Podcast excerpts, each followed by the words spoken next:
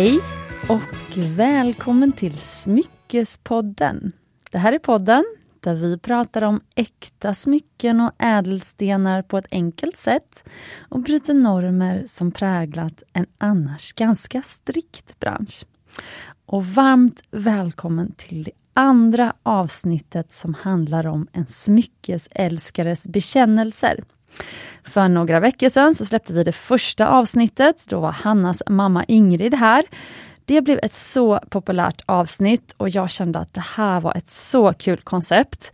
Så jag frågade er lyssnare, är det någon av er som vill komma till studion och prata om ert smyckesintresse? Och jag fick många svar och det var väldigt svårt att välja ut den första gästen. Men nu sitter hon här framför mig i studion. Det här är så kul. Jag ser så mycket fram emot det här avsnittet och jag kan ge en liten hint bara nu till er lyssnare. Det ligger enorma mängder enormt vackra smycken framför mig här. Det, hon kan starta en auktionsbutik tror jag. Varmt välkommen Katarina Moberg! Tack så hemskt mycket för att jag fick komma hit. Det här är ju en dröm. Att få sitta och nörda in sig om sina smycken och historien bakom är så kul. Ja, alltså, och jag visste ju inte att allt, jag har ju fått lite historia. Eh, ni lyssnare kommer få veta alldeles strax om hur eh, Katarinas smyckesintresse startade. Eh, men jag hade aldrig kunnat drömma om alla de här godsakerna som skulle ligga här nu framför oss. Så att vi kommer bara dyka rätt ner. Men först Katarina så måste vi få lära känna dig. Och berätta, du är inte, du sa att du var lite van vid eh, ja, inspelning. Ja men precis, jag jobbar med ledarskap och som managementkonsult kan man säga. Och varje vecka så har vi livestreams där vi pratar om aktuella ämnen och vi har kundevent digitalt och så vidare. Så att jag, jag brukar sitta med en mick på huvudet och en green screen och lite sådana här saker. Ja, för jag frågade om du var nervös. Nej, nej, det här ska bli jättekul. Ja, nej, det här och bara få prata om smycken. nej, men jag, jag gör det här ofta. Men vad pratar ni om för senaste nytt på jobbet då? Nu är det mycket psykologisk trygghet. Aha, okay. Vi pratar mycket om eh, välmående på arbetsplatser. Mm. Vi hade en digital konferens förra veckan. Där vi var, alla satt på kontoret med olika rum, vi hade olika sändningar och så vidare. Om välmående. Hur man stöttar chefer, hur man stöttar medarbetare eh, kring stress, hälsa, eh, ledarskap, förändringsledning. Så vi har mycket att göra de här tiderna. Helt fantastiskt. Men vad innebär trygghet på arbetsplatsen? Ja, men psykologisk trygghet det handlar om att man som chef kan stötta på riktigt att människor får komma till sin rätt. Att man får göra misstag. Att man får vara den man är och att man får ett individuellt stöd. Eh, vi ser mycket i den här hybridtillvaron att man har skickat hem människor och så vet man kanske inte var gränserna går. Man vet inte vad som är okej, okay, man vet inte vad som förväntas. Så mycket att liksom hitta former för att man, eh, att man får komma till sin rätt. Att man får, eh, det är okej okay att göra fel. Man, eh, man känner att man får ett utrymme för vad den man är och behöver. Du sa hybrid. Mm. Hybridtillvaro. Ja, men många tjänstemän jobbar ju både eh, hemifrån och på kontoret. Mm. Och då har man sett att eh, det blir ganska otydligt. När är dagen över? Är det när man eh, stänger ner datorn klockan nio på kvällen eller vad är ett fullgott arbete? Att det flyter ut lite grann för att man är alltid uppkopplad, man är alltid tillgänglig. Ja, väldigt sant. Och du bor ju ungefär 450 meter från jobbet, kom vi fram till. Exakt. Så när tar din arbetsdag slut? Jag går faktiskt ofta till kontoret för jag tycker att det är skönt att ha en arbetsplats, att stänga datorn och faktiskt sen gå hem. Och vad är ditt bästa tips till mig som ofta jobbar hemma? Att man bestämmer sig på något sätt att ha en gräns. Vad, vad är din gräns och när är det good enough? Till exempel. Och vad, vad behöver du för att det ska funka för dig? Därför att det är inte rätt eller fel att, att en del vill ha det så att man jobbar hemifrån och en del vill kunna gå till jobbet. Men om jag skulle tvinga dig att göra någonting som går emot det du behöver, då blir det ett problem. Mm. Gud vad intressant. Det här är ett poddavsnitt i sig själv känner jag. Exakt. Föreläser du på andra platser eller är det inom ditt företag? Nej men det är jag absolut. Jag är ofta ute och pratar om ledarskap, medarbetarskap, coachning, förändringsledning. Så att, eh... Gud vad kul! Ja, då får man kontakta Katarina Moberg på LinkedIn kanske? Absolut, om du behöver coachning och hjälp, stöd kring förändring. Gud vad kul att få lyfta det här i Smyckespodden. Men berätta, ditt smyckesintresse. Du berättade ju för ganska länge sedan, innan vi ens eh, diskuterade att du skulle vara med i podden, så berättade du en väldigt fin historia på DM till mig på Instagram. Mm. Kan du inte berätta om hur ditt eh, och kanske din familjs smyckesintresse startade? Jo men precis. För ett år sedan så upptäckte jag Smyckespodden. Och det kändes som att nu, nu har jag hittat hem, nu har jag hittat ett forum. Åh, fint. Och då eh, slog det mig att jag har ju varit präglad hemifrån med anledning av att mina föräldrar var tillsammans i drygt 60 år innan mamma gick bort. Och varje år så köpte pappa ett smycke till mamma. Och han la nu mycket krut på det också. Alltså jag får rysningar. Och de blev ihop när de var 12 och 13 år. och pappa raljerar alltid, ja hon jagade mig över en fotbollsplan, jag hade ju inget val. Men han bestämde sig tidigt för att han skulle ge henne ett smycke och i början kanske det inte var någon jättebudget. Men han gjorde det, han gav henne ett smycke varje år. Och varje år sen så byggdes det på. Och min och mammas hobby det var att sitta och titta på de här smyckena och nörda in oss. Och det var vår grej. Och sen har jag två storebröder som, eh, det var så mycket bilar, tåg, alltså det var inte min, det var inte min grej alls, utan det här var mammas och min passion. Gud vad fint! Alltså det finns så många lager av det här. Men grattis till dig då som hade två eh, bilintresserade eh, storebröder istället. exakt, exakt. kan man ju säga då. Ja, nej, tack för kaffet, men det var inte min, eh, det var inte min grej att sitta och nörda i en bil. liksom, utan mamma och jag satt i, köks, i köket och pillade med hennes smycken och tittade. Liksom, och... Men var hon en sån, för att i Guldsmedjan eh, så har jag träffat en del eh, kunder, inte Mumbai-kunder utan kunder till Guldsmedjan som jag var med då. Eh, jag kommer specifikt ihåg hos eh, Johanna i Katrineholm. Eh, och då kunde det komma in kvinnor som hade jättestora smyckeskollektioner men som inte riktigt använde dem. Ja men eh, det kan eh, stämma. Mamma mm, och satt mest och tittade på dem om jag ska vara helt ärlig. Och det var också en sån här grej vi kunde prata om. Ska du ha på dig de här grejerna? Ta på dig din, din finaste ring en tisdag i november. Ja, exakt. Mm. Nej men hon var så noggrann och hon eh, putsade på dem och tittade på dem. Men det var hennes hobby också. Och sen när det var större grejer, absolut, då tog hon på sig finsmyckena. Men jag tror eh, den stora grejen för henne var att verkligen få sitta och titta och pilla och känna. Liksom. Och det var ju inte alltid hon gillade vad pappa kom hem med. Men hon tyckte om att han hade ansträngt sig. att han hade gått in för det, han hade gått runt på stan, han hade räkat och det, det gav honom att det där var liksom en, eh, en grej i sig. Men jag fick en um, sån här, jag relaterar ändå till kanske motorintresset också, för ta som min tvillingsyster har en, en motorcykel som hon har byggt om på själv. Ja. Och nu eh, har hon barn och hon åker inte så mycket på den. Men hon är så här, hon kan absolut inte sälja den. Nej. För att hon gillar ju och liksom, hon vill bara veta att den finns där och kunna pilla och sånt. Exakt. Ja. Det var lite mamma i ett nötskal. Men eh, okej, okay, men vad härligt. Men är, vad är du för person? Är du en bärare eller är du en betraktare? Bärare. Ja. Jag eh, pillar på mig eh, varje vecka, ändrar jag, byter smycken, jag går och känner in, jag börjar med smycken innan jag bestämmer vad jag ska få kläder på mig under veckan. Oh. Och jag kan nästan få panik om jag bär någonting som jag känner att nej, idag vill jag ha en blå Safir. Jag måste, måste byta eh, smycken. Så det kan vara eh, väldigt... Nej, byta kläder menar du? Nej men då, då, måste jag ta mig, byta mm, smycken och sen så kan jag byta outfit efter det. Jaha! Jag får en sån här känsla av att nej, idag kan jag inte ha den här ringen eller jag måste ha ett annat halsband eller så att jag bär väldigt mycket och eh, skiftar hela tiden och jag använder verkligen mina smycken. Jättekul! För jag måste säga att du är ju väldigt snyggt stylad klädmässigt också. Tack snälla. Nu har ju Katarina på sig en så ljus eh, blank blus. Och sen har du på dig en kjol som är lite så här, mm, är det vävd eller stickat material? Eh, jag tror det är stickat. Eh, I så svart, eh, svartvitt mönster. Och sen så har du också lite så svartvita jättekola skor till. Tack. Ja. Eh, och så har du på fingret en gul Safir. Mm. Hur tänkte du där? Jag besöker ofta Kaplans. Ja. Och då var faktiskt herr Kaplan den äldre eh, i butiken. Och då stod jag och tittade på den här ringen för jag tyckte den var lite, jag tyckte den stack ut. Och då började han prata med mig och vi stod och resonerade lite om eh, att det här var väldigt mycket värde för pengarna. Mm. Eh, och det slutade med att jag tänkte att jag, jag är värd den här. Helt enkelt. Ja, du har lyssnat på Smyckespodden här. Det har jag. Helt fast. Ja, det är vår slogan. Exakt.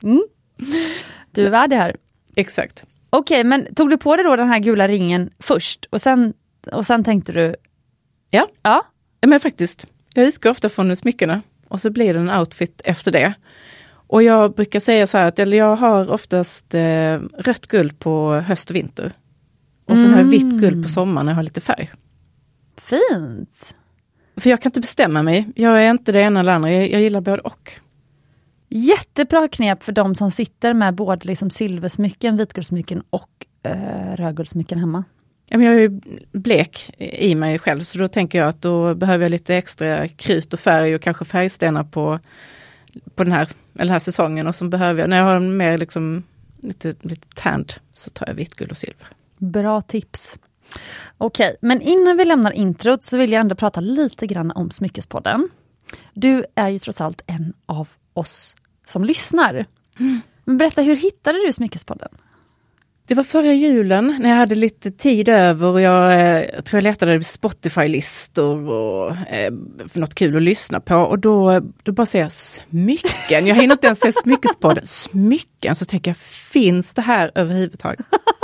Och då när jag upptäckte det, så jag tror jag, jag satt en helg, jag gick knappt ut, utan jag bara, det här, det här är ju som att Nej, men också just den här att, eh, att köpa smycken till sig själv. Ja. Det är jag ett nötskal.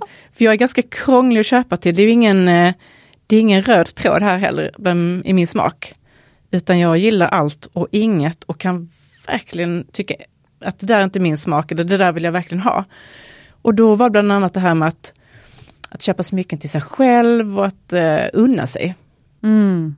Så att jag har plöjt nästan alla avsnitt under året. Och eh, ja, helt fast. Tycker det är fantastiskt att få nörda in sig i det här. Och vad är det du älskar med podden? Det är så lärorikt. Ja, vad bra! Jag har lärt mig så mycket. Eh, jag är själv lekman och bara få eh, höra alla duktiga människor. Mm. Att eh, få så mycket olika inspel från olika personer. Allt om eh, de fyra scenerna till pärlor till, nej men det är så mycket lärande i det här. Och att man verkligen kan få, eh, bara njuta av, eh, av det här området. Jättekul! Har du någon favoritgäst eller vill du ingen nämnd, ingen glömd också? Så du får välja. Eller något favoritavsnitt? Eh, nej men de här fyra scenerna tycker jag är fantastiskt. Ja, okej. Eh, jag tycker det var jätteroligt att höra Hannas mamma. Ja, vad kul! om, Ja. om hennes eh, statementringar och annat.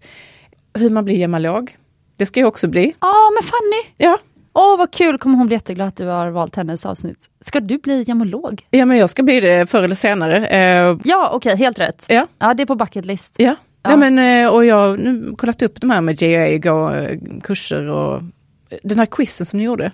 Där hade jag faktiskt alla rätt. Nej! Jo. Åh, snyggt! Så att jag tänker att jag, jag tror Hanna sa att hon gjorde kursen på en helg. Att hon eh, fixade den första grundkursen där. Nej, nej, eh, Fanny. Fanny, Fanny. Ja, Fanny. Fanny, Fanny. Precis, nej men jag förstår, det är mycket namn här. Ehm, så var det nog ja. Och då tänkte jag att kan hon göra det på en helg som ett proffs, så hinner jag göra det under arbetstid. Tänker jag. Nej men jag tror absolut att man kan, alltså gemologutbildningen, det, det kan man lösa. Eh, alltså, eftersom att man kan välja takt själv. Exakt, så det är precis så. exakt. Eh, så nu ska vi snart spela in del tre när Fanny tagit nästa kurser. Perfekt. Ehm, men då, ehm, precis, men hon gör ju plats i sin kalender och så, så vet hon att men de här veckorna då ska jag spendera med det här. Det ska jag också göra. Faktiskt. Ja, kul. Ja men kul att, att höra lite favoritavsnitt. Nu avbröt jag dig, var det något mer favoritavsnitt du hade? Eh, jag nog vända på det, det finns inget avsnitt som jag inte fullständigt njutit av. Nej, jag tycker det bara är magiskt. Ja men vad kul. Och sen så eh, måste jag ju få chansen att höra lite feedback också. V- vad kan bli bättre i podden? Eh, nej men jag tycker just det, jag tycker det är jättekul med olika färgstenar till exempel. Ah, kul! Skriver upp det här. Så roligt att få nörda in sig. Jag har köpt lite böcker själv om ametist och rubiner, men det finns inte så mycket utan så himla roligt att få lära sig mer om de olika stenarna. Ja, jag håller med. Vet du vad som är en utmaning? Det är att hitta de som är experter på just en viss sten. Ja.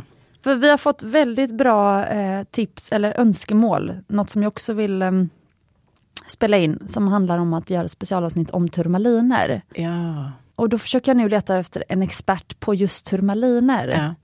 Så att det ni som lyssnar på det här, om ni har expertkunskap inom just en, en viss ädelsten, till exempel som Annika som har specialiserat sig supermycket på pärlor. Det hade ju varit kul att hitta. Ja. Eh, eller också någon superspecialist på morganiter eller ja, men även ametist och sådär. Exakt. Mm. Jag tar med mig det, väldigt bra förslag. Mm. Ja, kul. Men då tror jag att det är, har blivit dags att eh, lämna introt. Vad säger du, är du redo att berätta om din mammas smycken och dina egna smycken? Absolut. Ja, då kör vi.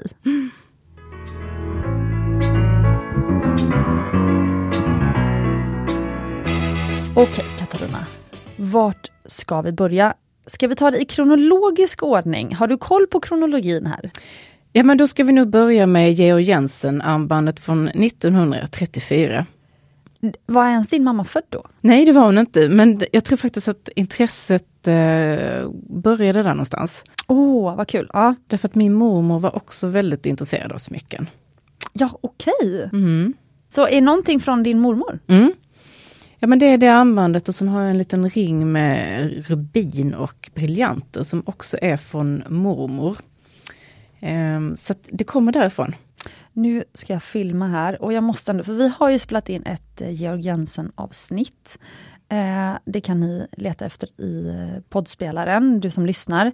Och där pratar vi om en kollektion som heter Daisy. Och jag för mig att, ehm, nu ska vi se, det var avsnitt 62, Georg Jensen, hur du håller dig relevant år efter år med Tobias Eklund. Och Tobias pratade i det avsnittet om just Daisy-kollektionen. Och den verkar ju vara väldigt populär bland annat till till exempel studenten. Precis, och det, det var en lite lustig historia för när, när eh, den här serien fyllde 100 år så eh, ringer jag min mamma och säger att mamma, det där armbandet som mormor fick i förlovningspresent, har du det hemma? Så säger mamma nej, det har du fått av mig. Det har du tagit med dig hem till Stockholm. Och så säger jag, det har jag absolut inte gjort för att jag vet exakt hur asken ser ut. Och mamma insisterade på att nej, du har slarvat bort det. Och jag gick hela helgen och kände så här, jag har så ont i magen och jag var, letade överallt och så säger jag till mamma, okej, mamma, jag har slarvat bort det, men kan du ändå kolla hemma? och så går det en timme så ringer hon och så säger hon, du, det ligger här hemma. Oh. Och den här liksom känslan av att, har jag slarvat bort min mormors förlovningspresent? Det är inte sant. Ja, men jag har eh, väldiga igenkänningar här, jag ska inte nämna någonting, men jag känner av det här. Ja, Mm. det är bra. Ja, men där, eh, där började det nog för att det här var någonting som mamma också satt och kikade på eh, med, med mormor. Och sen tror jag att vi hoppar framåt en bit därför att Först måste vi bara, vet vi är ju en podd här, Just så det. vi måste beskriva hur det ser ut. Just det. Hur skulle du beskriva det här? Ja, men jag, jag håller med det här som du sa med student, att det är söta små, eh, vad heter det, daisies, vad heter det? Det är Prästkragar. prästkragar, precis. Eh, ett armband då som är fyllt, kan man säga, hela vägen runt med prästkragar.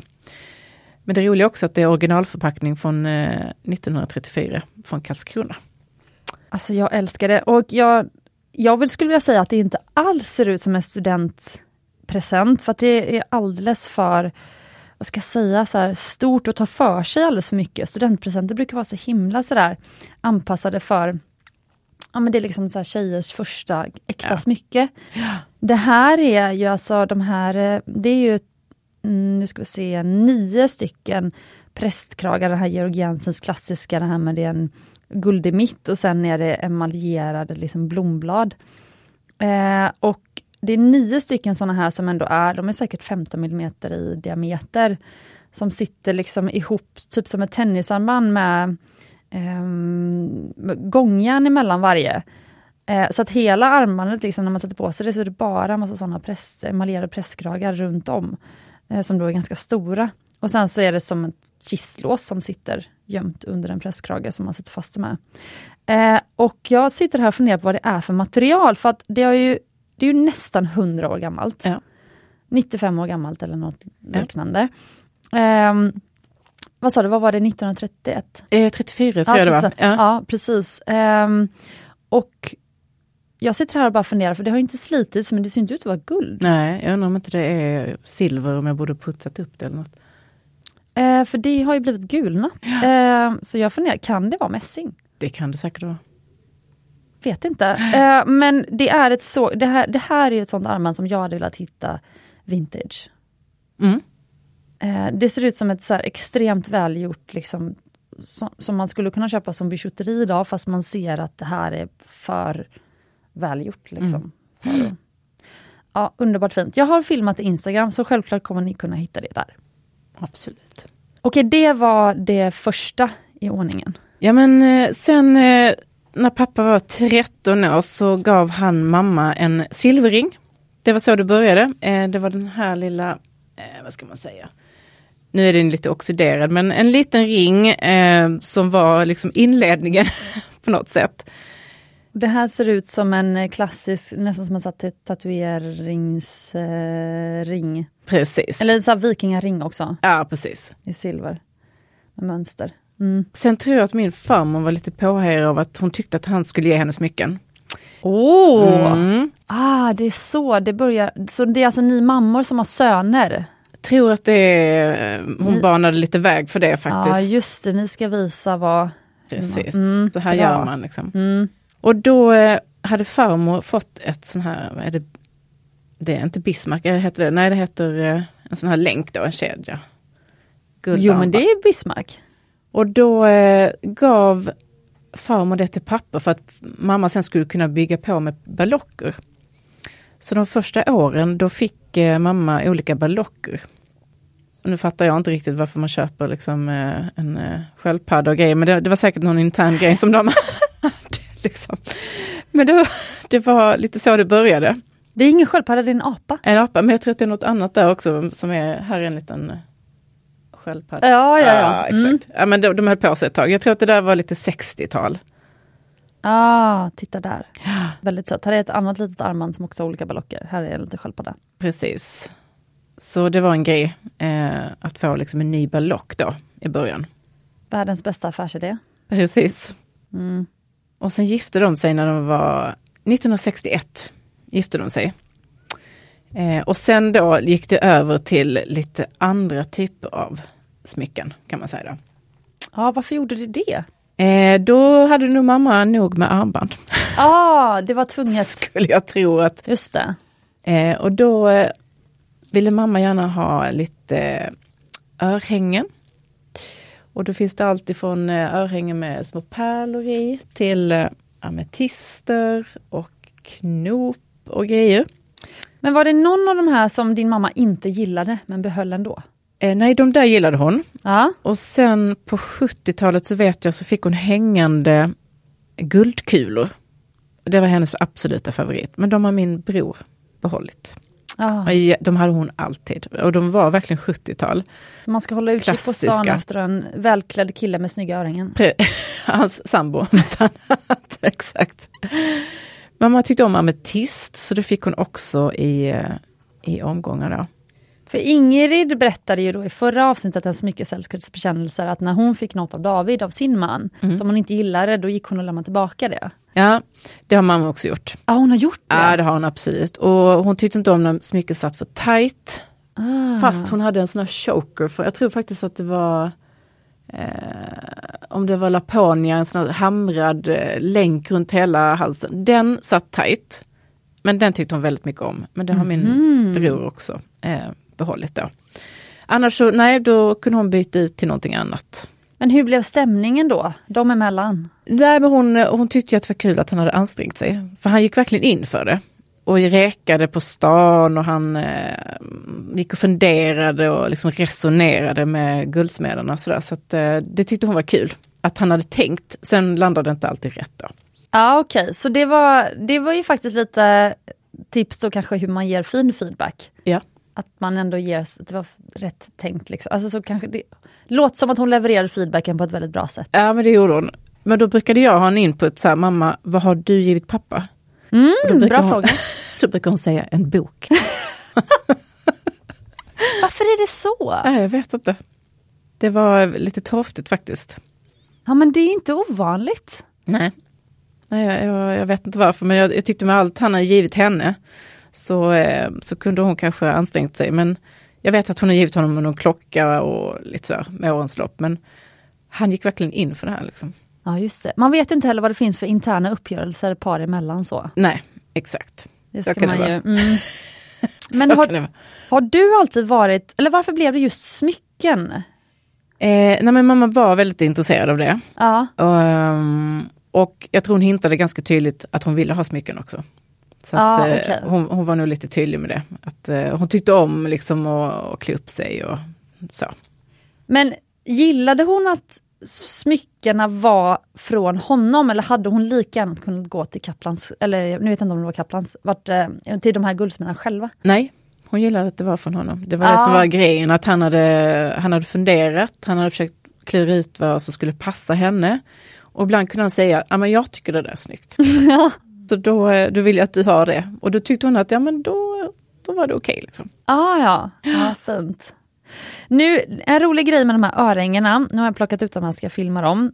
Dels så måste jag säga, bra jobbat att du har lyckats behålla dem i par. Mm.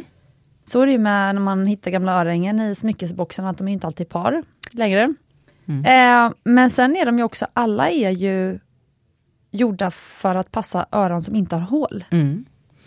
Nej min mamma hon vill inte göra hål i öronen utan hon, hon körde på det här old school. Eh, och hon var väldigt noggrann så jag har faktiskt kvar stort sett alla originalaskar också. Alltså så kul. Och det var därför det var så roligt. Då slet vi ut hela byrålådor och så satt vi liksom och tittade och petade ner allt. och eh, la tillbaka allt på samma sätt. Liksom. Så jag har nästan lite så fotografiskt minne hur det såg ut i mammas lådor när man eh, öppnade dem. För att jag Aha. visste att det där, det är därför jag visste att det här armbandet som mormor hade fått, jag visste att det var rosa eh, liksom, mat, eh, bomull i asken och så vidare. Ja just det. Men för dig, alltså hur, för hur har du ändrat ditt sätt att se på smycken eller hur du klär dig i smycken från, från tidigare år än till hur du klär dig idag? Nu har du liksom fått en egen smyckesidentitet. Ja, eh, och mamma och jag resonerade det för hon tyckte om bärnsten och silver och såna stora grejer som inte alls var min smak. Um, men för mig har det blivit, det är som sagt nästan kärnan i vad jag klär på mig. Det, det är grunden i det här och jag tänker att jag är konsekvent inkonsekvent. tänker jag. Okej, okay, berätta mer. Att jag byter gärna lite smak och att jag gärna testar lite nya grejer och att jag inte bara vill ha klassiska grejer utan jag kan gärna prova någonting annat. Och jag skulle inte gå och handla i de här vanliga kedjorna. Det är nog den röda tråden. Alltså kedjor? Alltså guldfynd och de här liksom massproducerade, där, där handlar inte jag. Nej. Det har jag nästan aldrig gjort. Har du en sån här husguldsmed som du går till? Nej men Kaplans, när jag flyttade till Stockholm 99 så upptäckte jag ju det. Och sen har jag varit lite fast där då. Och Wilhelm Pettersson i Stockholm har jag också. Mm. Mm. Din mamma ser ju, eller om jag ska tolka det du har tagit med dig, hon gillar ju lila. Ja, mycket tyckte... ametister. Ja, exakt. Det är mycket granater. Ja. De vinröda stenar som ser ut som bärnsten fast som är facetterade. Så ja, granat har ett väldigt tydligt uttryck. Och sen så gillar hon diamanter. Exakt. Vilken är, vad har du för smyckestil? För sen tittar jag här över på dina smycken. Det är inte alls samma färgskala. Nej, mamma var mycket mörkare än vad jag var och jag var jättelänge vitguldsperson. Och det här mm. var faktiskt det största, den största investeringen jag hade gjort. Den köpte jag när jag fyllde 35. Nu håller du upp en ring. En Chimento som ser ut nästan som en kedja. Vitguld ser det ut som, eller plattorna. Precis, äh, vitguld. Och det som eh, liksom länkar mellan kedje... Liksom länkarna, eller eh, gångarna mellan, mellan de här kedjebitarna är klädda med diamanter. Precis. Och det var första gången som jag la liksom en större pott eh, på Åh. en ring. Och då, tyckte, då var mamma ivrigt påheende så tyckte att det där ska du unna dig. Därför att jag njuter verkligen av smycken. Ja. Jag var på ett affärsmöte med en, en, eh, en kvinna som hade en, jag tror minst tre karat enstensring. Och jag blev helt hypnotiserad. För hon satt så att ljuset sken. Så min chef fick liksom knuffa till mig, för jag skulle liksom hålla ett föredrag. Jag kunde inte prata, jag var helt förhäxad. Och då kände jag bara, nej jag måste liksom, eh, jag måste bygga eh, min egen garderob. Och jag, som sagt, jag var länge mycket mer inne på vitguld. Men nu har jag hittat liksom att jag bara byter säsong helt enkelt. Men visst är det kul att sitta och fundera på vilken karate i folks ringar? Älskar, älskar. Ja. Jag kan träffa människor och så vet jag, aha den där ringen, nu vet jag vem det är, så kan jag titta upp. Och då har jag liksom eh, suttit och kikat på vad folk har på sig Ja. i smyckesväg. Men du måste visa då, för att din mamma har ju en riktig kronjuvel. Mm. Alltså det är en vit, jag måste förklara för er lyssnare. Det är en rund, gigantisk eh, sten, vit, eh, som, alltså jag kunde ju se, eftersom jag jobbar med det jag gör, så kunde jag ju se att det inte var en diamant, men så tänkte jag så här, gud vad det var en elegant ring och den ser inte alls pråligt bijouteriaktig ut, utan den ser lyxig ut. Liksom, fastän att den är jättestor och inte är en diamant, vilket är, skulle kunna vara receptet för att det inte alls är coolt.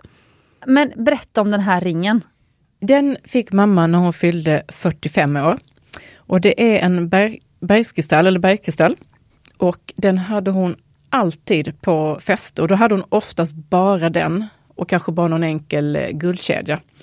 Eh, och det var en liten snackis eh, i familjen. Så, oh, om hon hade på sig den eller bland grannarna och så vidare. Och det var liksom, tog mamma på sig den, då var det fest. Då visste man att det var någonting extra. Och jag brukar faktiskt, mamma gick bort 2017 och sen dess har jag varje jul haft den på mig på julafton. Ja, så fint. För då är hon med oss. Gud vad fint. Så den är ju lite, det är ju ingen vardagsring men otroligt kul och alla minns den i vår familj. Men Mm. hade det varit en eh, diamant, vad hade du gissat på? Oh my då? god. Oj. Ja, över åtta kanske. Jag kommer ihåg att Whitney Houston fick en åtta karats ring av Bobby Brown. Det kommer jag ihåg. Jaha, okej. Åtta karat. Det har jag faktiskt aldrig sett någon. Eh, Var den rund också? den var rund. Ehm, Jag vet inte. Men Ja, men jag kanske hade gissat på 5-6 karat. okej, Just eftersom den är rund. just det. Men, ehm, men jag älskar den här för att det här är också, för, och det, vet du om det är en svensk bergkristall? För bergkristaller f- Jag Man har tror hittat i Sverige det. med. Och i originalasken, jag tror den är från eh, Vea Bolin va? ja, det är det. Mm. Och det står Vebol, eller Vebolin, Jos Vebolin, hovjuvelerare i Karlskrona. Just det. Den är helt underbar originalask. Och jag tycker att det här är världens bästa sätt att få ha en maffig vit solitär. Det är alltså en supermaffig solitärring och jag bara känner det att för vi många, jag är ju själv en av de som drömmer om att ha en maffig vit solitär. Och jag bara känner att det är så himla bra knep att då köpa en äkta ring som är med en vit sten och som är gjord för att ha typ på fest. För att d- den här bergskristallen vill man ju inte heller kanske ska bli för smutsig, man vill att gärna att den ska vara ren för att den ska ändå gnistra. Det är det som är med de vita stenarna som inte är diamanter, att blir de lite smutsiga så ser de väldigt så här, dimmiga ut. Nu sitter Katarina och nickar. Jag nickar. Ja.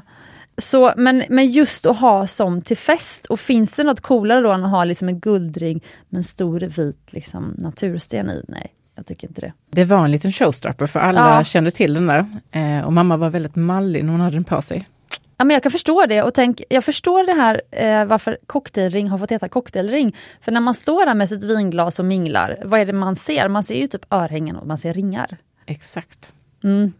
Och jag tror att från det där till den där, det var liksom ett litet udda hopp. Eh, så mamma blev nog lite imponerad av att pappa drog till med sån där rätt vad det var också. Men hur kan du minnas när han började gå över från armband och örhängen till ringar? Ja men det där armbandet ska jag säga också, det, Mm. då fyllde mamma 40. Eh, och det minns jag för att jag ville låna det där armbandet, eh, en lång, eller två eh, länkar kan man säga. Det fick jag absolut inte låna. För mamma var extremt rädd om det. Men vi brukade alltid sitta och titta på det och när mamma hade det på sig så satt jag alltid och, liksom och kände på det för det är så skön, den är, det är slät yta och så Mm. två rader med, med liksom, eh, vad ska man säga, kvadratiska länkar. Så det, det fick jag faktiskt inte låna när jag var liten, men, eh, och jag var ganska liten då också, men, eh, men det där var en snackis också. Men det är lite 70-tal över det. Extremt 70-tal. Jag har aldrig sett något liknande men jag älskar det. Ja men jätteudda. Och det brukar hon ibland, hade hon dem där ihop. Mm, nu pekar du på den vita solitärringen här. Precis. Ja den är ju rödguld ska jag säga men den Precis. stora stenen är vit. Exakt, så de två var väl lite showstoppers faktiskt. Och eh, jag vet inte om hon uttryckte att nu är det dags att eh, uppgradera här eller...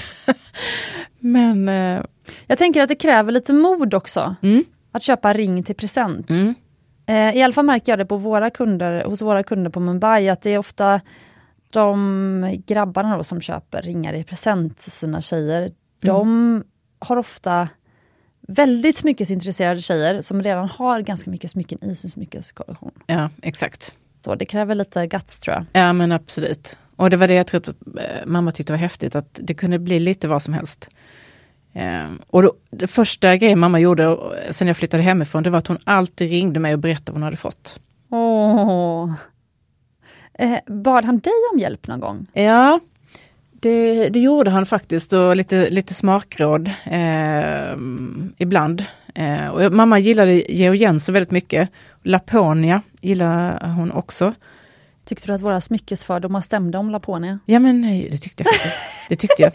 Det är inte, det är inte riktigt mitt märke så, men, men det var ju lite stuket, men jag håller med.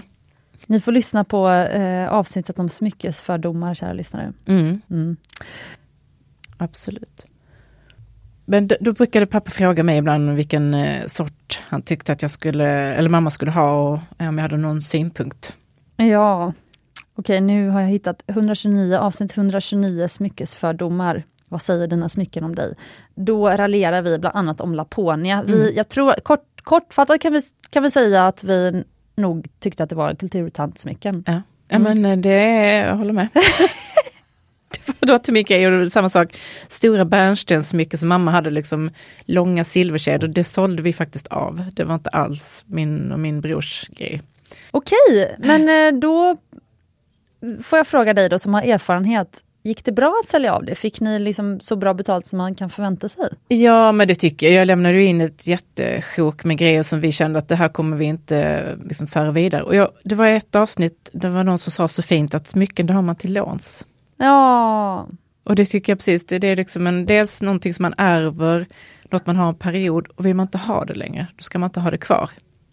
jättefint. Men vad, hur ser du på det? Alltså, för det tänkte jag faktiskt ställa en fråga på slutet, men jag kan ställa en fråga nu istället. Men vad ser du att du kommer göra med din smyckesamling sen? Vem kommer få ta över den? Ja men eh, den här, nu pekar jag på en, på en enkarotsring som jag faktiskt köpte mig själv när jag fyllde, då var jag, nej just det, den här köpte jag helt utan anledning. För att jag tyckte att jag förtjänade den. Den har jag faktiskt lovat min bästa kompis, om något skulle hända då ska hon få den. Oj! Ja, därför att jag har, hon och jag, vi är smyckesintresserade och jag har pushat och coachat henne att hon skulle köpa sig eh, en vitguldsring. Och hon älskar den där och min mamma brukade också, varje gång jag kom hem så brukade hon gå runt med den på sitt finger och så brukar min pappa säga, nu, nu, nu tar du av dig Katarinas ring. det är faktiskt hennes. Men eh, det har jag sagt att det ska hon få. Och ganska nyligen så var min storebror uppe hos mig i Stockholm och då, eh, då berättade jag så att eh, visade min kollektion eh, och att de ska få gå i arv då till hans barn. Han har fyra barn och jag har faktiskt inga då. Så, och då blir han så här, nej men sånt där behöver vi inte prata om. och så sa jag, jo absolut, det här är ju liksom eh, för er. Och så just den här tanken att det här är ju till låns. Men det finns ju en story bakom, eh, bakom alla smycken. Men det är ju väldigt spännande för att Sara på Stockholms auktionsverk som var här häromveckan och där det, nu när vi släpper ditt avsnitt, jag tror vi kommer släppa det nu i början på december och då kommer den aktionen vara i full gång. Och det är en aktion från fyra Göteborgs guldsmeder som bygger på en persons samling. Mm. Alltså det är en privatperson som har köpt de smyckena under många års tid och sen kom till Sara och sa så här, nu är jag redo att sälja de här smyckena. Ja. Och säljer det som en hel kollektion. Oh, wow, oh Alltså, my god, jag ja. får hjärtat. Ja, jag har också det! Usch, det skulle jag nog inte fixa. nej, nej, det skulle inte gå. Men, men, eh, men häftigt om det kan liksom gå vidare, tänker Ja. jag. Det här är också, nu pekar jag på min Pride and Joy som jag älskar av allt annat. Det är tre karat Åh! som är lite udda. Den där eh, tar jag på mig. Det kan faktiskt vara en lite Jag får hängig. filma på din hand, för det var Ja. så du hade den när du, Så när du kom hit. Absolut. Men det här kan vara sån när man är lite hängig eller lite känner att nu måste jag piggas upp. Då kan jag sitta och eh, glo på den här i all evighet. Gud vad underbart! Och så din gula Safir får jag passa på att filma samtidigt. Så fint. Så har du ett fint tennisarmband på det också. Eh, den här ringen är som, det är tre dubbla Eternity Bands som är half covered. Så på undersidan av handen är det inga stenar men på hela, den är helt täckt på översidan. Så det är fyra ganska stora sådana bredvid varandra. Och sen så över de här tre ligger som ett liksom band också fullt med diamanter. Jättefint. Men är det ett auktionsfynd? Det är också ett auktionsfynd och grejen var att jag hade budat på den här och sen 10 i ett så ser jag att någon rackare har budit över mig och jag springer ner till Kaplans. Tar en sån här liten eh, en flagga och sätter mig och då håller jag på att vifta för- hej vilt. Jag ska ha den där. och så tror jag att jag har, eh, jag har blivit överbjuden. Och sen så bara pekar de fram mig och då, då har jag helt liksom tappat det. För jag var helt säker på att det inte gick till mig. Sen hade jag den på mig i, alltså dygnet runt i eh, säkert två månader innan jag vågade ta av den, för jag var så jäkla glad att jag hade köpt den. Och det var, eh, det var faktiskt inte, jag hade fått en eh, skatteåterbäring, då kände jag att den där ska jag ha. Ah, Och det roliga är att mamma hade sett något liknande på Lyxfällan. Det var ett avsnitt om en tjej som fick sälja sina jättefina smycken. Så hon ringer med en, en arbetsdag. Katarina, ska du inte gå ner och köpa den där ringen? ja men det är ju inte så att jag kan knata iväg en tisdag och bara köpa en ring för 40 000. Och det kostar inte den här. Men just den här känslan av att det här förtjänar jag. ah, bästa shoppingkompisen, din mamma alltså? Ja, ja, hon uppviglade mig ofta. Exakt. Okej, men jag har ju ett, ett favoritsätt som vi ska prata om alldeles strax. Som jag är helt liksom förtrollad av. Eh, som också kommer från Kaplans. Mm. Eh, men Katarina, jag måste fråga dig. Vad för typ av smycken, alltså vad kännetecknar de smycken som du faller för? Har du någon sån eh, röd tråd som du kan se? Eh, ja, det är ju inte så mycket röda trådar här, men eh, jag vet från första sekund om jag gillar det eller inte. Okej, magkänslan. Ja, Mm. Jag kan bli helt förhäxad av någonting. Och som sagt, tidigare så var det verkligen vitguld och att det inte skulle vara någon standardgrej. Och så vill jag gärna ha kit. Mm. Då köper jag en ring så vill jag ha resten också, ish. Okej, vad intressant. Varför då? Därför då vill jag nästan bara ha det, ehm, då är det liksom basen i min garderob på något sätt. Det här köpte jag nu faktiskt när jag fyllde 50, en morganit. Och det är en droppformad morganit med en halo av diamanter runt som sitter på ett, ett, eh, det är ett hänge som sitter på en vitguldskedja. Ja, och då hade jag så svårt för då ville ha både ring och örhänge till och det finns inte mycket kan jag säga. Men bär du dem ihop eller varför kände du att så här, du måste ha hela setet? Jo, men jag bär dem ihop. Ja, du gör det? Ja, men då hittade jag faktiskt ingen ring till. Eh, och då gick jag ner till Kaplan och frågade om de kunde göra en. Och så svarade liksom inte de i tid, så det, det blev liksom inte av att jag köpte till min födelsedag. Men eh, då hittade jag då de här i alla fall, eh, små. Fick ni också lite feedback där, Kaplans? Just Bara i tid. Ja, exakt, exakt. Så att det har blivit att jag köper ofta kit om möjligt. Men det här är ju så intressant och väldigt fin feedback faktiskt till mig. Eller jag tar, jag tar till mig det här som feedback faktiskt till mitt jobb som designer. Mm.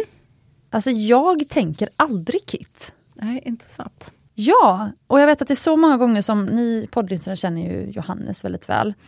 Och han har ju de mest underbara färgstenar. Och det är så ofta som han liksom ganska tydligt vill hinta till mig om det här är Jättefint sätt till örhängen och liksom, han kan till och med lägga när han kommer, han är ändå säljare. Just det. Så lägger han sina, sina stenlådor, då har, har han gjort egna kit. Ah. Liksom, med ädelstenarna, de är inte, och, så, och så är det min uppgift då att liksom som designer och förvalta det här till vackra smycken. Just det. Men jag är såhär, nej det där går jag inte på. eh, men nu blir jag så här, gud vad fascinerande alltså. Ehm, Och nu har det varit när jag har eh, fyllt jämnt eller så, då har jag köpt faktiskt hela kit. Eh, men det, det menar det är liksom en, någon större grej. För vet du, som med kläder, Mm. nu har jag ju på mig ett kit faktiskt. Mm. Då var jag inne på Saras webbshop. Mm. Eh, och till exempel så har jag köpt hem, som jag har på mig idag, Jätte- ett kit med så färgglada eh, byxor och topp. Eller det är samma färg men den är så koboltblå så den är inte svart. Och mitt nya mål i livet är att inte klä mig så mycket i svart. Nej, klokt. Eh, för att jag blir väldigt glad när jag träffar andra som har färg eller som du som är så här coolt. Du ser ut att vara kittad också i liksom topp till tå ett kit. Jag, jag har vita katter så jag kan inte ha svart. det, det går inte. Du ser ut som en birmakatt själv. så jag måste ha glansigt och sånt som jag åker av. Liksom. Ja, perfekt! Ja. Eh, nej men och det är just som du säger, alltså jag älskar kit för att i vanliga fall älskar jag klänning. Mm. Men jag tycker klänning kan vara svårt på vintern också. Mm. Och lite sådär. Ehm, men när jag köper då liksom topp och byxor i samma färg, då blir det som, och så ligger de bredvid varandra i garderoben. Perfekt. Då blir det så här, ja men då vet jag exakt vad jag ska ha på mig. Mm. Så det är knäppt att jag inte tänker så med smycken. Nej, jag vet inte men eh, Men jag blir väldigt inspirerad av det du har sagt nu, så det tar jag verkligen till mig. Men däremot min favorit är ju ett kit hos dig. Ja. Berätta om det här. Jo, men när jag fyllde 40 så skulle jag ha en cocktailfest på min innergård. Och jag hade en skitsnygg, rent sagt mörkblå liten fodralklänning. Och då tänkte jag, måste jag ha någonting som matchar det här. Och jag förtjänar eh, någonting riktigt jävla snyggt. så då började det med att jag hittade en mörkblå Safirring. Och tricket här är att det är ju små Safirer, men när de sitter ihop så ser den ju ganska stor ut. Men alltså jag måste säga, jag måste ändra från mörkblå, det här är ju midnattsblått. Ja, Och absolut. Vita diamanter, kan Ja. det bli bättre? Sen har jag råkat mosa den lite så jag måste faktiskt återställa den lite. Jag har tryckt till lite. Men när jag väl hade köpt den och var jättenöjd med min ring så såg jag att de hade ju även då hänge och eh, örhänge till. Och då kände jag bara att nej men det här kommer ju bli klockrent. Men det är som... Jag får tankarna till kungligheter. Det är de som har kit. Och så känner jag så här, om någon hade kommit till mig på fest och haft ett kit på sig så här med örhängen, halsband och ring. Jag hade ju liksom fallit av stolen typ. Ja. Så himla coolt. Men hur klär, då har du en midnattsblå klänning. Mm. Vad kan man mer ha till det här sättet? Alltså det här var på sommaren då så det var, det var nästan det, jag hade bara det och så hade jag utsläppt hår då för att det skulle vara en riktig fest. Och så det, det där var århundradets roligaste fest. Jag kan aldrig göra om det, det blev så jäkla lyckat. Så att Var hela, det din fest? Det var min 40-årsfest. Åh. Jag hade en cocktailparty på min innergård. Eh, grannar kom ner och jag hade ja, drinkparty. Ja, det var så jäkla roligt. Och så hade jag de här och så var det perfekt solsken. Eh, och jag fick så mycket beröm för dem, eh, det sättet. Men jag får ju tankarna till den här Solsidan-filmen när de har festar i, i, i, är det Båstad eller Torekov? Ja, just det. Just Ja. det. Exakt. Mingel, ja. mingelparty i Skåne. Exakt. Ja, men gud vad härligt. Men vad, om du nu skulle gå på fest igen eller om du skulle bära det här kittet igen, Mm. vad skulle du då ha på dig? Är det samma då klänning till eller? Hur hade du tänkt? Eh, ja, den kommer jag inte i längre, men Typiskt. ja. Eh, nej, men det är en bra fråga, för det var faktiskt ett tag sedan jag hade det där eh, sättet på mig, så då, nu måste jag nästan tänka vad jag skulle ha på mig. Eh, jag skulle ha det på sommaren, kanske till något vitt. Eh, Jag har faktiskt haft det också till vardags där med jeans och någon, någon vit topp eller Åh Ja, bara för att det ska poppa lite.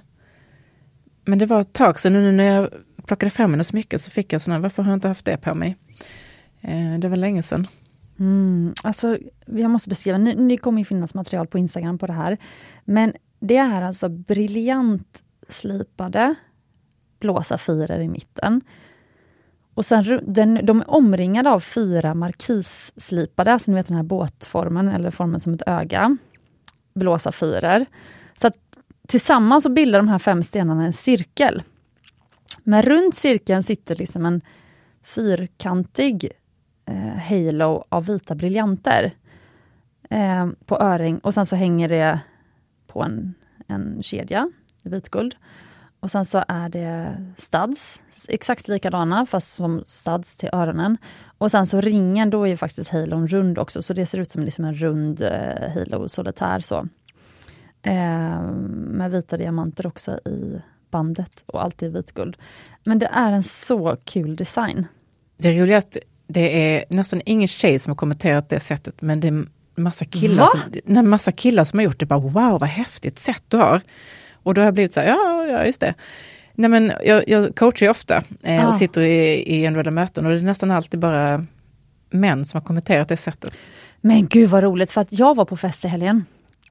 Eh, 70-årsfest fast det var två gånger 35 dagar. eh, och sen så träffade jag, dagen efter träffade vi, det var ett par som också hade rest från Stockholm för den här festen var i Göteborg. Då träffade vi dem på tåget och sen så säger killen så här, han bara Du jag måste bara säga dina ringar igår var så fina. Ah, gud vad roligt. Då hade han sett dig. Alltså, ja. och tjejen stod bredvid och liksom, in, alltså, det, var, det var han som hade sett det. Ja. Så himla kul. Jag vet inte för att, det, att de är så mörka eller att, de, att det syns. Men men det är någonting med eh, stenar, det som jag håller på med en custom, eh, jag skräddarsyr en förlovningsring till en tjej nu. Eller en frieriring. Oh. För det är mannen som tagit kontakt och det är han som vill designa det här till tjejen. Eh, så hon vet ju ingenting om det. Uh. Men han är så noggrann. N nej men alltså, de, alltså så det finns något uppdämt smyckesintresse tror jag ja. hos många. Ja, mm. jag håller med. Eh, verkligen. Men eh, det här tycker jag, å andra sidan, är en julklapp. Tänk att ha något så här mörkrött på sig till det här sättet. Ja, också snyggt. Absolut. Mm. Ja, jag är helt, helt såld. Vad, vad finns det mer för smycken nu? Jag tänker att vi ska börja runda av. Mm. Um, och vi har inte hunnit prata om allt. Men jag tänker att du får välja nu, det kanske de... Oj. Jag tänker att du får välja kanske två smycken till som vi lyfter, som kanske har en fin story eller som ja, nu har du redan valt här ser jag. Ja men jag har det därför att det här var, eh, min farmor och jag var väldigt nära varandra och eh, faktum är att hon, eh, på den dagen som hon begravde så hade hon bett pappa att ge mig hennes vigselring. Oh. Där hon hade satt i en stor eh, akvamarin eh, och sen ett hänge till. Och då hade hon sagt att pengarna som jag ärver henne, det ska jag köpa mig ett set för. Och, oh, alltså bästa grejen. Ja, och det gjorde jag och då köpte jag, eh, det här är Golden Lady, eh, det, jag tror inte det finns längre det här märket, men då hade hon verkligen sagt att köp nog någonting dyrt och onödigt som du liksom aldrig skulle kosta på dig annars. Men snälla någon, vilken bra farmor. Ja, hon var, hon var grym. Och då, eh, Oj, vad fint. då köpte jag ett kit. Ja. Är det turmaliner? Det är rosa turmalin. Mm. Problemet är att första dagen så slår jag sönder en kant på det, men det är bara jag som vet. Men då, och då farmor vet. Hon farmor vet där uppe. Ja. Men det här tar jag på mig ibland när jag kan sakna farmor. Eller när jag känner att eh, jag behöver ha henne lite nära, för hon var rätt så kavat och eh, en liten udda person. Så då känner jag så här att det här, eh, ja, det är många år sedan jag köpte det nu, men, men det här påminner mig om henne. Och det är också ett sätt med ring, halsband och örhängen. Mm. Jag tar med mig eh, det här från eh, mötet med dig Katarina. Sätt. Exakt. Det är grejen. Mm.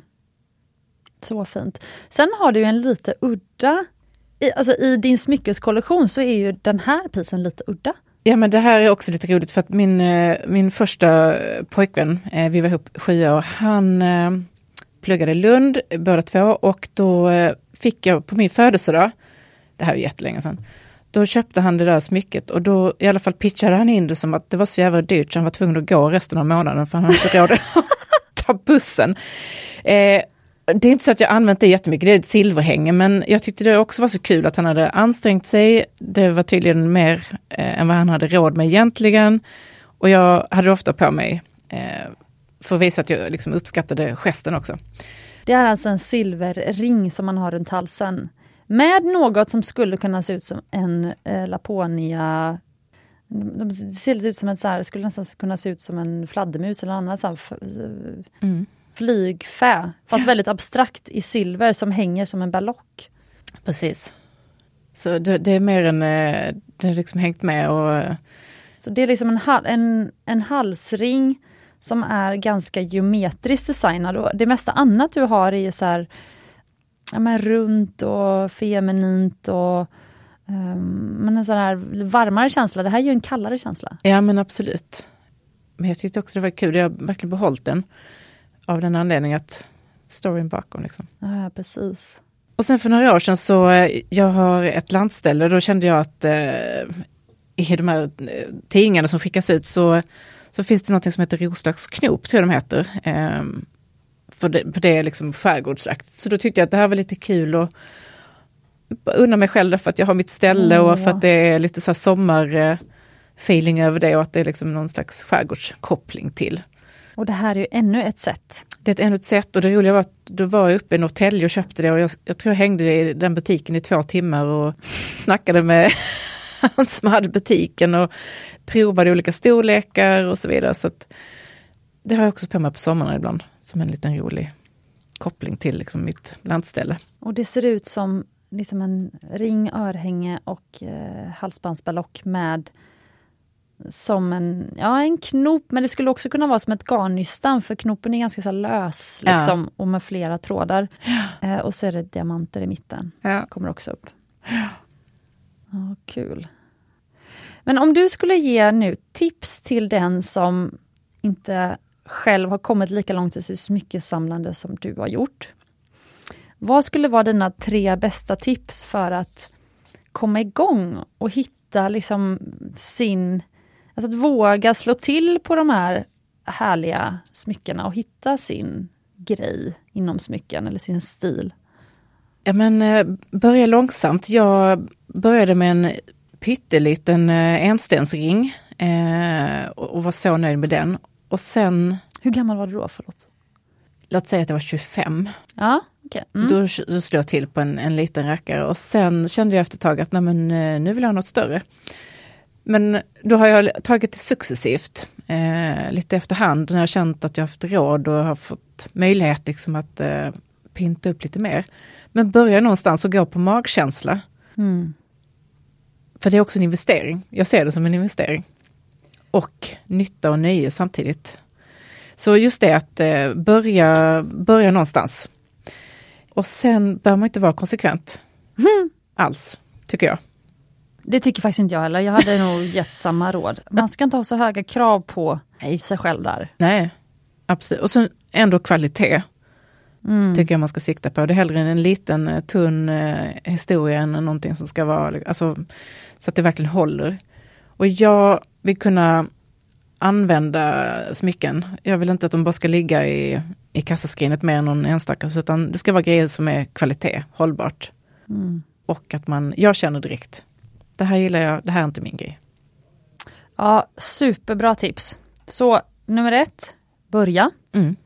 Nummer två, du behöver inte vara konsekvent. Och tre, satsa på kvalitet. Mm. Jättebra tips. Och hur kändes det att vara med i podden? Alltså så roligt. Tänk att få prata om sina, sina älsklingsgrejer, det är fantastiskt. Eller hur? Ja. Vad skulle du tycka det var kul om att höra om em, just andra lyssnare som kommer till podden? Nej men det är lite grann hur de har tänkt och varför de har plockat på sig den här typen av smycken de har. Eh, det tycker jag skulle vara jättekul att höra, för man har ju en tanke och en känsla. Varför det smycket men inte det?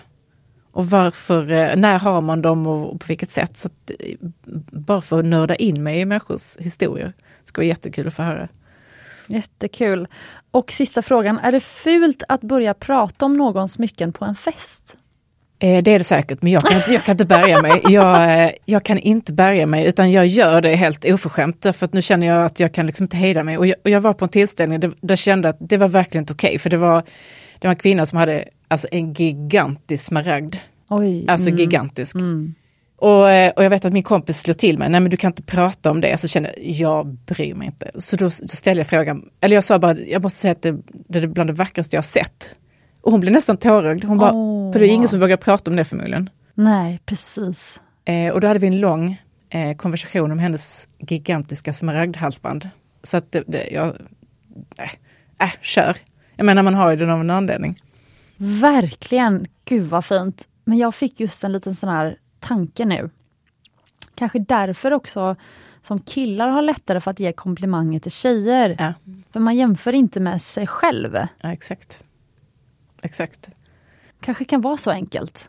Och jag satt på tunnelbanan eh, för länge sedan och då var jag ganska trött och hängig och så hade jag på mig, ett litet Tahiti, eh, också kit. Örhänge och halsband. Sen är det en gammal dam i hatt, typ 85 år gammal, som, som petar på mig så säger hon bara, vilket fantastiskt sätt du har på dig. Oj! Jag började nästan gråta för det var en sån här dag när man känner bara att jag är så trött. och att hon såg det. Och sen började hon och jag prata smycken på tunnelbanan. Åh, Så häftigt, det förgyllde hela min dag. gud vad kul. Ja, stort tack Katarina för att du ville komma hit och tog dig tid att komma hit. Tack och snälla. att du delade så generöst med dig av all den här skatten. Jättekul. Så roligt att få vara här. Och eh, tack för inspirationen. Nu ska jag hem och designa set. Jag ska köpa dem. Nej men du som lyssnar på podden, eh, alltså både du som lyssnar men även du Katarina. Jag har ju berättat någon gång för länge sedan om den här tjejen i Brooklyn jag träffade som Ja. hade en smaragdring och smaragdörhängen. Mm. Och sen hade hon typ en enkel ut, ut, urtvättad bomullsklänning och tofflor. Typ. Ja. Det var så snyggt. Men hon hade ärvt de tre smaragderna från sin farmor. Ja. Och sen gått till en guldsmed och gjort, eh, så hon, det var ju väldigt enkelt, det var ju en hilo av diamanter runt. Lite som ditt blåa sätt fast med smaragder. Så. Ah, snyggt. Ja, så mm, du för mig tillbaka till det. Ja. Ja, men med de orden så er lyssnare, eh, just det innan jag släpper iväg er och Katarina så måste jag säga att om du vill vara med i en Smyckesälskares bekännelser så skriv till DM Smyckespoddens Instagram, där heter vi Smyckespodden. Och där kommer du få vidare instruktioner. Du får vara anonym, och vi kommer aldrig förställa din röst, utan rösten kommer vara din. Men du behöver inte mm, Eh, gå ut med namn om du inte vill. Man kanske är, ja, helst vill vara anonym helt enkelt. Eh, för att våga. Det är också väldigt modigt att komma hit till podden. Men så att gör det om du känner att eh, du har ett smyckesintresse som du vill dela med dig av. Och tänk på att ditt smyckesintresse kommer ju vara unikt. Så du behöver inte tänka på att, ja, att man kanske känner att som när man ja, ska söka ett jobb, att oj, jag måste ha alla kriterier uppfyllda. Utan bara genom att du lyssnar på Smyckespodden och har ett smyckesintresse, så är det kul att höra. Mm. Eh, och Katarina, då är det bara att vi eh, säger precis det som du redan har sagt. Vill du säga avslutningsfrasen? Eh, oj, nu står still hud på Glöm inte att du förtjänar äkta smycken. Exakt! Ja. Och ädla stenar. stenar. exakt, exakt. Ah, hej då! Hej då, tack snälla.